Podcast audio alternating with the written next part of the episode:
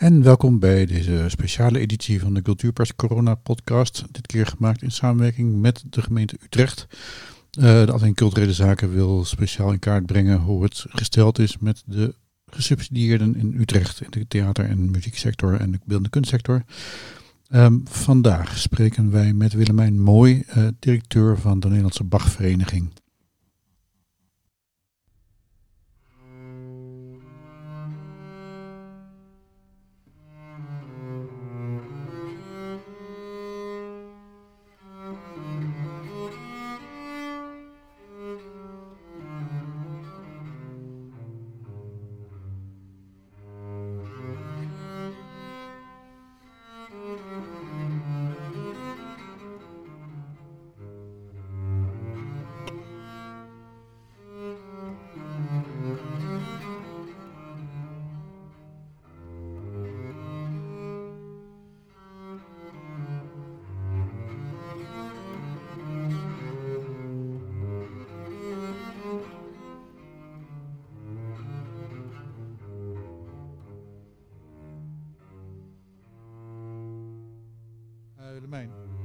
Directeur van de Bachvereniging.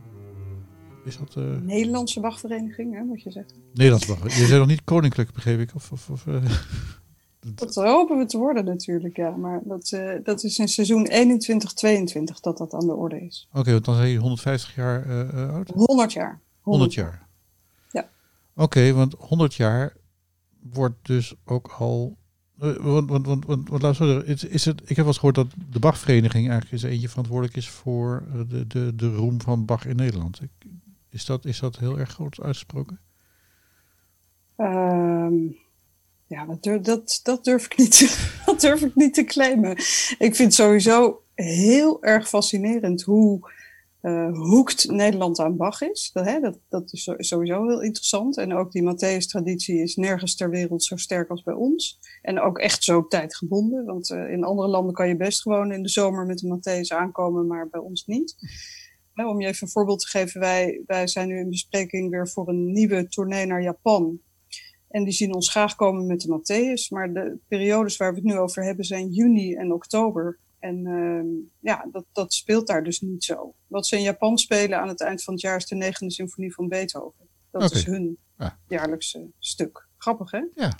Maar of wij dus als Bachvereniging, nee, dat, dat, dat, ik weet het niet. Ik denk wel, de Bachvereniging is opgericht in 21, nee, 1921 dus. En dat was uh, een beetje een reactie dus op de Matthäus-traditie van Mengelberg in het Concertgebouw. Okay. Uh, ik denk wel dat het vanaf het begin is het wel een beetje een chique toestand geweest. Hè? Het kabinet kwam er, kwam er al gauw naartoe en zo. En het, het, waren net de mensen die dat oprichten. En het was natuurlijk ook in een, in, een keurige regio, het gooi.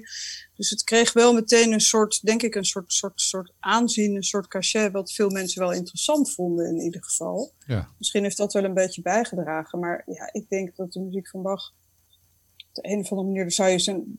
Ik zou het heel interessant vinden om daar zo'n onderzoek naar te doen. Waarom, waarom Bach in Nederland zo ongelooflijk goed ligt. Ja. Ik, uh, ik geloof niet dat je dat alleen maar op ons konto kunt schrijven. Oké. Okay.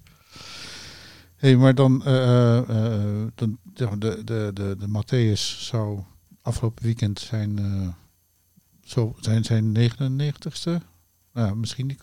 Is hij in de oorlog ook gespeeld eigenlijk? Eén keer niet. In 1945 niet.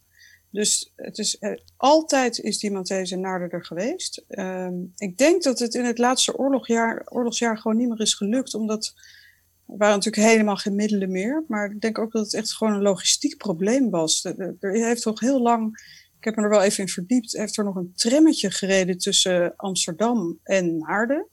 Dat trammetje had de bijnaam de Gooise moordenaar, want er gebeurde nog wel eens wat mee. Het was een stoomtram en die hebben ze in de oorlog weer van stal gehaald. Die was eigenlijk afgeschaft, want er reden inmiddels bussen tussen Amsterdam en Naarden. Maar in de oorlog, uh, ja, ik denk vanwege benzinetekort of zo, uh, ging die bus eruit en kwam de tram er weer in.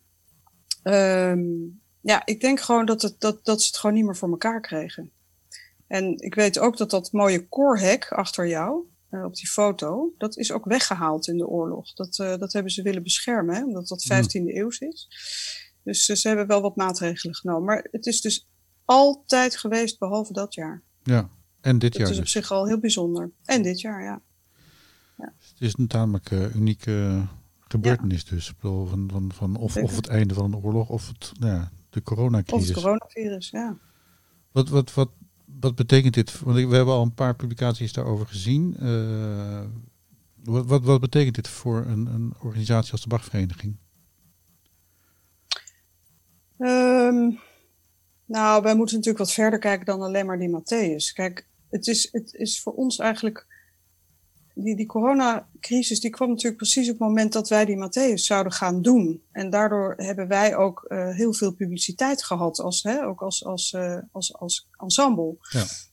Als dit op een ander moment was gebeurd, dan was er helemaal niet voor aandacht voor ons geweest. Maar toevallig nou net met die hele sterke traditie eh, in Naarden kwam dit naar ons toe. Ehm, wat het voor ons heeft betekend, het eerste waar ik eigenlijk aan heb gedacht, dat was de muzici. Want ehm, het spelen in de Matthäus is, is gewoon een substantieel inkomensbestanddeel voor de muzici. Eh, voor sommigen is het een kwart van hun jaarinkomen. Ehm, daar wilden we heel snel iets aan doen. Dus ik heb gemeend ze te moeten geruststellen door te zeggen: we gaan sowieso proberen om iets eh, van een compensatieregeling eh, op te tuigen. We hebben in Naarden een nogal groot en trouw eigen publiek. Hè. Dat is natuurlijk door al die decennia lang is dat opgebouwd. En we hebben ze gevraagd of zij dus hun kaartjes voor die concerten wilden doneren. En het uitgangspunt was gewoon restitutie, je krijgt je geld terug. Maar mocht je iets voor de muzici willen doen, dan kan je je kaartjes doneren. Nou, dat is ehm, eigenlijk heel goed gegaan. De helft van de kaartkopers heeft daar positief op gereageerd. Ehm, door geheel of gedeeltelijk hun, eh, hun aankoopbedrag te doneren. En dat heeft ervoor gezorgd dat wij een derde van de ticketinkomsten zeg maar, kunnen houden van wat daar stond. Dat gaan we rechtstreeks uitkeren aan de muzici. Dat is het eerste eigenlijk waar, waar ik dus na het annuleren van de Matthäus mee bezig ben geweest. Want die beslissing om te annuleren, die hebben wij op 16 maart al genomen. Want we wisten toen al dat we de, de concerten tot en met 31 maart moesten annuleren. Nou ja, eh, niets wees er natuurlijk op dat we daarna nog eh, konden hervatten. En, en we kregen het ook niet meer voor elkaar, want wij werken met veel buitenlandse eh muzici, met name de solisten. Die kwamen vrijwel allemaal uit het buitenland, denk ik. Ja, die, die kregen we ook niet meer naar Nederland. Nee. Het kon niet, ze wilden niet meer. Ehm, dus dus de- we konden ook niet meer repeteren. Dus we zaten toen al helemaal in de overmacht eigenlijk. En niet lang daarna werd volgens mij toen ook duidelijk van, eh, nou, het gaat langer duren. Dus we hebben van dat moment eigenlijk ook wel goed gebruik kunnen maken. Hmm. En ehm, dat heeft de muzici in ieder geval geholpen. Dus daar ben ik blij om. Ja. Wat het dus betekende op dat moment was ontzettend veel werk. Het is heel gek dat je, dat je zoveel bezig bent met iets wat niet doorgaat. Want eh, de, de hele organisatie is natuurlijk bezig geweest met de restitutiecampagne, met de muzici, met de planning omgooien. Je moet ontzettend veel communiceren, publiek, er is veel pers geweest. Dus het zijn hele drukke weken geweest. Ja. Eh, normaal is het ook heel erg druk. Voorbereiding van zo'n Matthäus is ook hartstikke druk. Maar we hebben het, eh, denk ik, nog drukker gehad dan Ja. normaal. Daarna eh, moet je natuurlijk vooruitkijken, omdat we inmiddels weten dat, dat het veel langer gaat duren. Dus eh, we hadden half mei alweer een vocaal project. We hadden nog iets eind april. Ehm, we weten inmiddels dat ons concert op het Bachfest Leipzig niet doorgaat. Dus eh, mijn zorg zit nu natuurlijk in de langere termijn. Ja. Ja, want, want, want nog los van het feit of, of er dingen alweer mogen zijn, eh, de, de anderhalve meter economie is inmiddels ingetreden als, als, als toekomstbeeld voor in ieder geval het komende jaar. Ja, ja. Ehm, een koor op anderhalve meter, hoe, hoe, hoe doen we dat? Ja, dat weet ik ook nog niet. Nee, de- de- ik, ik bedenk natuurlijk heel erg aan het publiek. Van hoe zet je die neer? Dat hebben wij niet zo in de hand, want we spelen voornamelijk natuurlijk in zalen. We doen een aantal concerten in Naarden in eigen beheer. En daar kunnen we inderdaad de stoelen zo ver uit elkaar zetten als we willen. Maar eh, normaal zitten wij gewoon in Tivoli Vredenburg en Muziekgebouw aan het IJ en Rotterdam, Eindhoven, noem maar op. De gewone concertzalen. Ehm, ik heb nog geen idee wat, wat hun antwoord daarop zal zijn. Dat is één probleem. Het andere is inderdaad van hoe zet je de muzici neer? Wat, eh, wat is verantwoord? Wat klinkt nog? Eh, zeker met zangers en blazers moet je, moet je zeker naar afstand gaan kijken.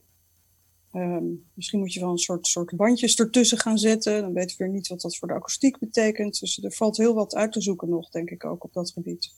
Maar ik denk wel, de sector wil zich natuurlijk niet lam laten leggen. Ik, ik denk zeker dat we echt in overleg met de zalen wel, wel oplossingen gaan, gaan zoeken en hopelijk ook vinden. Om niet een heel jaar niet te spelen. Hoe, hoe, hoe is het voor, voor, voor jou persoonlijk? Ik wil er niet altijd veel privévragen van stellen, maar bedoel, normaal gesproken heb je een soort climax van, van de, de, de, eh, de Matthäus. Daarna even rustig, een, een, een zwart gat misschien. Uh, maar nu is dat totaal anders. Uh, bedoel, dat moet ook nou, wel ja. zijn. Ik vond sowieso nogal een zwaar jaar. Want we hebben ook uh, de subsidieaanvragen natuurlijk geschreven. Ja. Ehm, in mijn geval twee, hè, dus voor de gemeente Utrecht en voor de, voor, de BIS.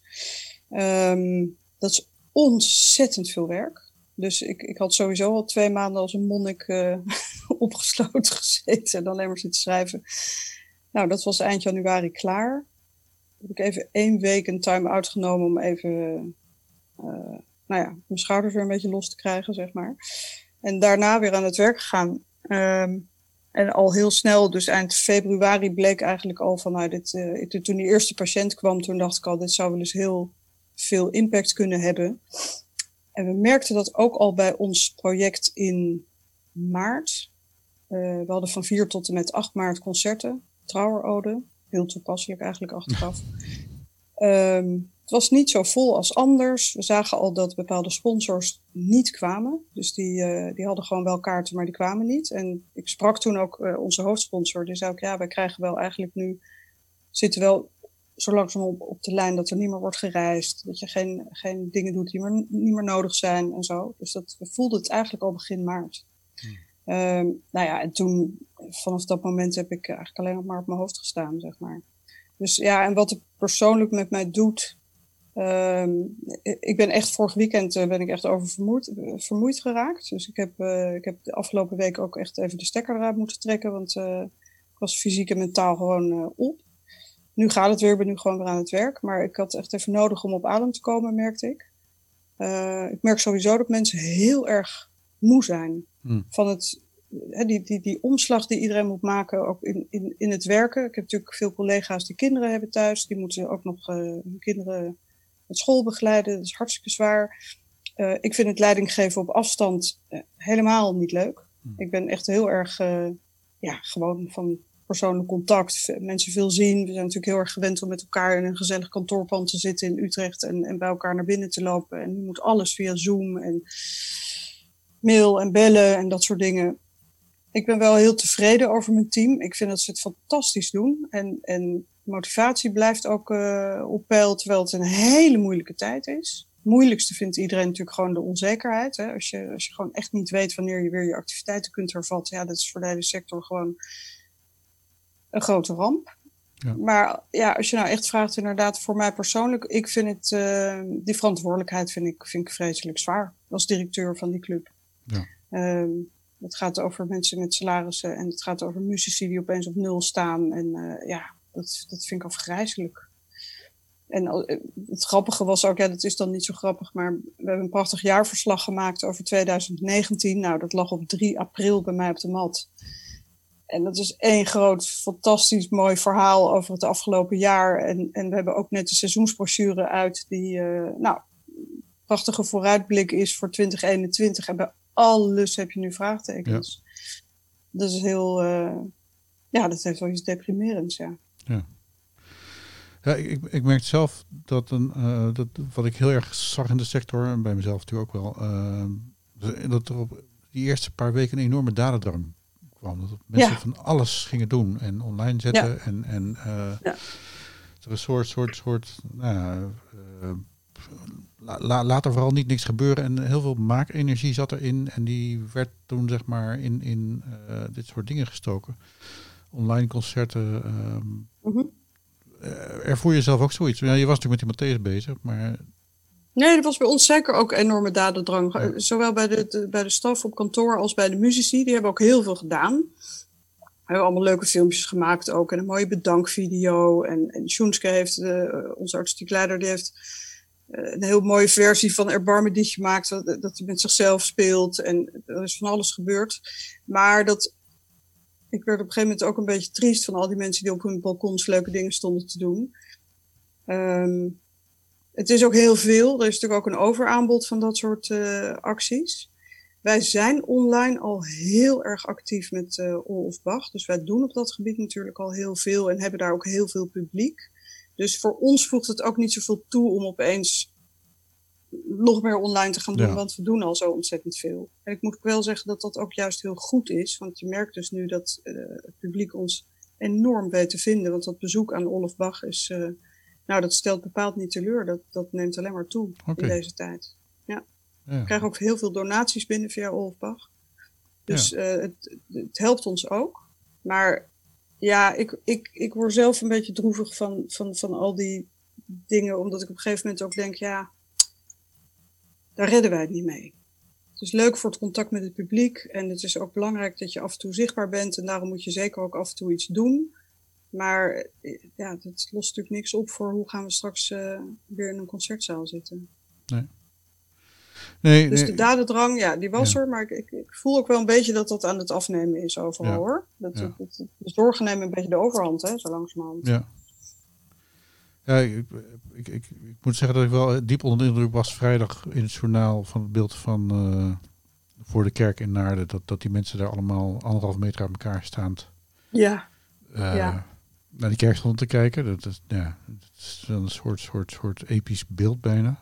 Ja, ja, vond ik ook wel, ja. Nou, het is, dat was dus een initiatief van bewoners van de vesting. Die, uh, want wij, wij zijn natuurlijk daar de jaarlijkse invasie. Hè? Wij, wij, zitten daar een week lang uh, de, de, boel te bezetten. En sommige mensen vinden dat trouwens ook helemaal niet leuk, maar de meeste mensen vinden het fantastisch. En uh, ja, het wordt heel erg gemist, maar dat zie je natuurlijk überhaupt. En dat was natuurlijk eigenlijk ook een beetje het einde van het gesprek net na van Engelshoven.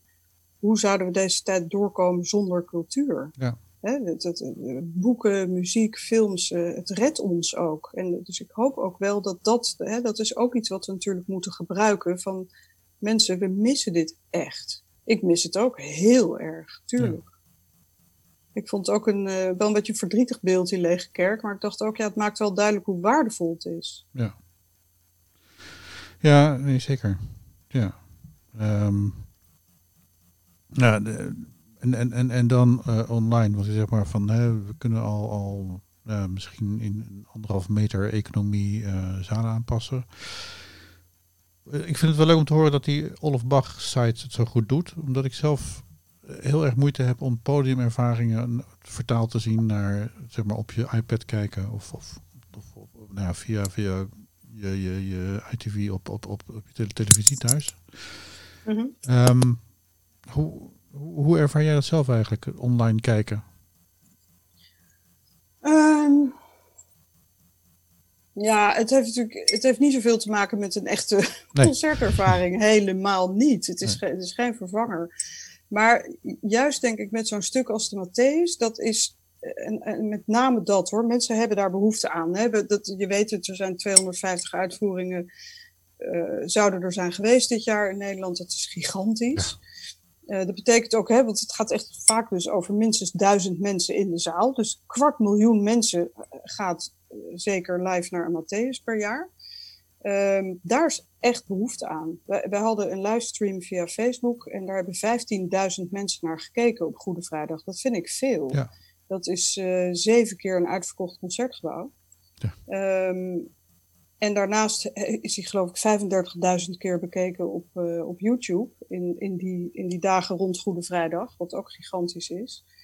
Um, maar dat gaat dan wel heel specifiek over dat stuk, de behoefte, hè, het ritueel. Er zijn ook veel mensen die hebben dat dan met hun familie bekeken, of die gingen dan weer uh, via Zoom, gingen ze dan met elkaar lunchen en dan de tweede helft van de Matthäus bekijken en zo. Die hebben maar dat heeft dus echt met dat stuk en het ritueel te maken, wat ze toch op de een of andere manier willen invullen voor gewone concerten, uh, ook van ons, is het echt iets heel anders. Denk ik, ja, het is heel fijn dat we het hebben. En ik, ik ben met Olaf Bach ook heel blij. En ik heb natuurlijk zelf vaak, als ik naar zo'n opname kijk, ook van, oh ja, dat was, dat was daar. En ik heb ook herinneringen aan dat concert, hè, want het zijn, op, het zijn live-opnames over het algemeen.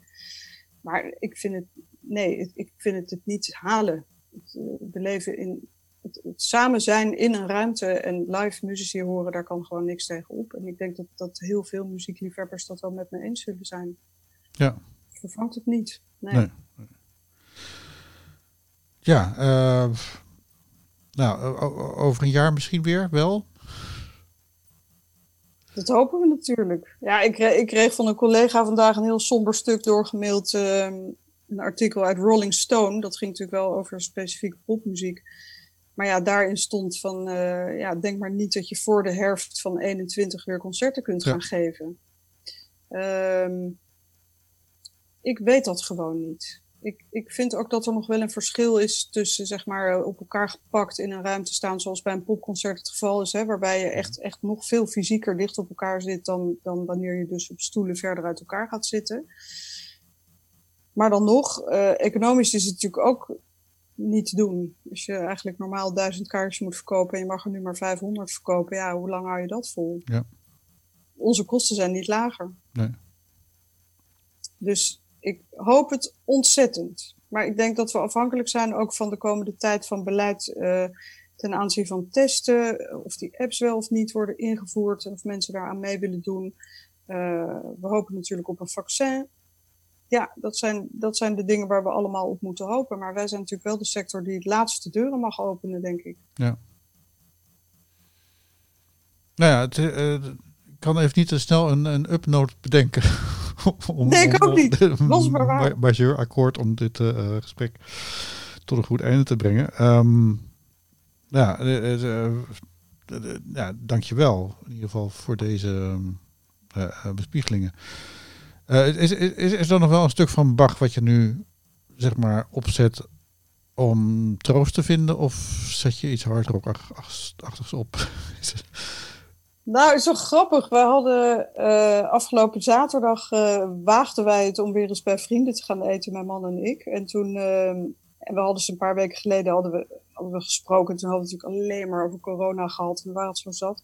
Dus we hadden gezegd, we, gaan een muziekavond uh, houden met elkaar. Was toen, en zij, wij werken allemaal in de muziek. En we hebben toen gezegd van, we doen geen klassieke muziek, maar we doen gewoon een avondje popmuziek uit de jaren tachtig. En uh, toen hebben we de hele avond op een groot scherm naar YouTube-video's gekeken. het was hartstikke leuk trouwens. En ook weer goede stof tot, tot jeugdherinneringen en dat soort dingen. Dus het was heel fijn om even echt met iets anders bezig te zijn. Ik had geen moed om naar een complete Matthäus te luisteren dit jaar. Dat, uh, dat, uh, dat vond ik echt, nou, dat trok ik gewoon niet. Ik speel piano en ik merk wel dat ik nou juist met aan die piano uh, heel veel behoefte heb aan, uh, aan Bach. Mm. Ik moet eigenlijk, ik, ik heb les, ik, ik moet eigenlijk dingen van Scriabin studeren en ik heb er helemaal geen zin in. Ik heb ontzettend veel behoefte aan uh, vooral de structuur van Bach. Dat, dat, dat, dat geeft mij vast denk ik, of mijn geest of zoiets, weet je wel. Dus, dus, dus het spelen, dat, dat zit zeker wel bij Bach. En het luisteren zit inderdaad eigenlijk in hele andere dingen. Mm -hmm. En wat ik wel als positief wil zeggen, dat is dus wat ik net zei. Ik vind het enorm goed om te merken hoezeer mensen kunst missen. Hè, in wat voor vorm dan ook. Of dat nou uh, muziek van de Bachvereniging is, of, of uh, festivals en pop en wat ik veel. Ik, allemaal even belangrijk voor mensen. Dat is wel heel goed om te merken. Dat het, dat het zo belangrijk is voor mensen. Dat maakt dit duidelijk. Dat is dus misschien wel iets goeds van deze crisis. En ik vind ook heel goed om te merken dat, uh, nou zeker bij ons publiek, die betrokkenheid en, en echt die warme reacties die wij krijgen, dat is echt ongelooflijk. Hoe aardig mensen zijn en hoe, hoezeer ze echt uit hun hart zeggen van we missen jullie zo. We kregen kaarten van onze eigen vrijwilligers. Um, mensen, ja, het haalt dus ook echt wel heel veel goeds uh, omhoog in mensen. En we merken dus ook hoe sterk die band met dat publiek is. En dat, dat is heel fijn om te merken. En wat voor ons als Bachvereniging natuurlijk heel goed was, dat is dat, dat uh, je ontkwam bijna niet meer aan ons in de, bij de publieke omroep. Want nee. ze zijn echt veel op radio en televisie geweest en onze beelden zijn heel veel gebruikt. En hè, als het over de Matthäus ging, dan kwamen ze bij ons. En toen dacht ik, ja, dat vind ik ook wel goed. Ja. Wij, wij, zijn ook wel de hofleverancier van de Matthäus en uh, zo werd het ook wel gezien. Dus dat, dat, uh, dat had wel iets moois. Ja. ja. En dankjewel.